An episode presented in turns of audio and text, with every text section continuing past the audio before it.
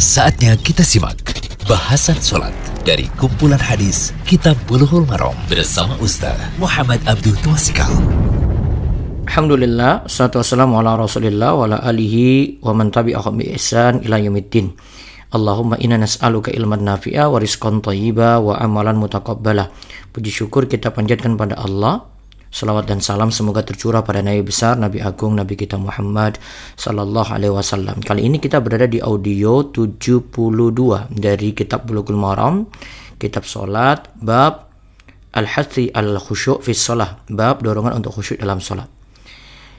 Hadis berikut ini kelanjutan dari hadis 240 eh, di mana kita akan membahas hukum sholat ketika makanan telah tersaji dan ketika darurat buang hajat. Hadisnya hadis 249.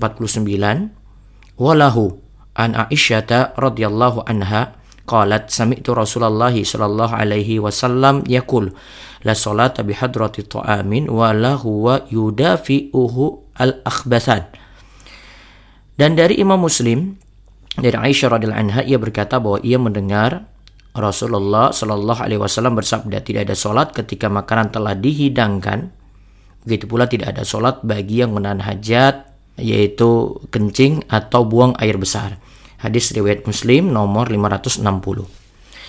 Nah, faedah dari hadis yang bisa kita petik di sini yang pertama ada kalimat la solata. Ini bermakna nafi.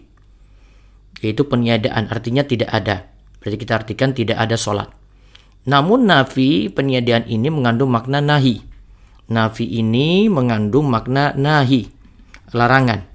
Jadi bukan kita artikan tidak ada saja, namun kita artikan dilarang. Menurut ulama balaghah, kalimat nafi itu lebih luar biasa dibandingkan kalimat nahi. Artinya kalimat tidak ada lebih dahsyat ya kandungannya dibanding kalimat jangan ya, dibanding kalimat jangan. Terus yang kedua, menurut jumhur ulama, penafian atau peniadaan dalam hadis ini adalah nafyul kamal penafian kesempurnaan. Maksud hadis pada kalimat tidak ada sholat adalah tidak sempurna sholatnya. Ingat ya, tidak ada sholat di sini maksudnya adalah tidak sempurna sholatnya. Jadi bukan sholatnya itu batal. Ya, ya jadi bukan maknanya sholat itu batal. Bukan maknanya sholatnya itu batal. Itu berbeda ya. Terus yang ketiga, Makanan telah tersaji maksudnya adalah ketika itu makanan telah terhidangkan dan siap disantap. Ya, makanan telah terhidangkan dan siap disantap. Kemudian yang keempat, maksud dari yuda fi uhu al-akhbathan adalah menahan-nahan buang hajat yang darurat keluar. Itu dia tahan kencing, tahan buang air besar yang darurat keluar. Terus yang kelima, faedah yang kelima dilarang sholat dalam keadaan hudur at-ta'am, yaitu disajikannya makanan yang ingin disantap. Larangan ini terkait dengan hadirnya makanan. Ingat, berarti kalau makanan tidak hadir tidak berlaku larangan ini ya, yaitu larangan sholat ketika makanan sudah hadir gitu. Berarti tunggu makanan ada dulu. Nah, kenapa demikian? Yang keenam, sholat itu adalah hubungan langsung antara kita dengan Allah. Sholat menjadi sempurna dengan hadirnya hati dan hilangnya berbagai macam kesibukan atau gangguan pikiran. Sehingga makan didahulukan dari sholat agar sholat dapat dikerjakan dengan khusyuk dan menghadirkan hati. Walaupun sampai luput mengerjakan sholat pada awal waktu atau luput dari sholat berjamaah. Yang ketujuh, kalau makanan belum tersajikan, jangan menunda sholat. Ya, namun kalau sudah ada tanda-tanda akan disajikan, ingat ada tanda-tanda berarti eh, akan keluar nih ya, ya dianggap seperti makanan telah tersajikan. Yang kedelapan, sholat dengan menahan buang hajat, kencing atau buang air besar adalah terlarang. Karena menahan seperti itu menyibukkan hati, bahkan bisa memudaratkan badan. Jika dalam keadaan semacam itu boleh saja menunaikan hajat, lalu berwudhu, lalu sholat, uh, walaupun nantinya luput dari sholat berjamaah.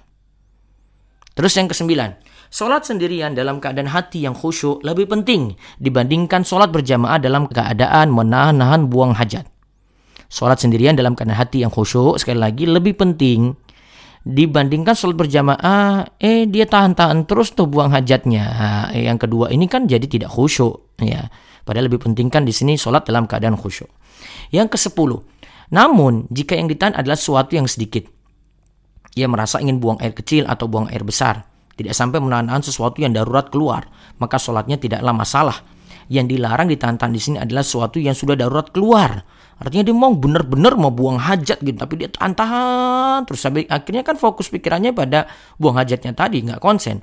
Nah ini Uh, di mana ini darurat keluar dan membahayakan bila ditunda-tunda. Ingat itu. Jadi berbedakan kalau kita cuma nahan sedikit saja itu tidak masalah. Artinya memang cuma keinginan saya ini ada rasa mau buang hajat nih ya. Nah, itu ada rasa saja. Beda dengan kalau darurat ingin keluar.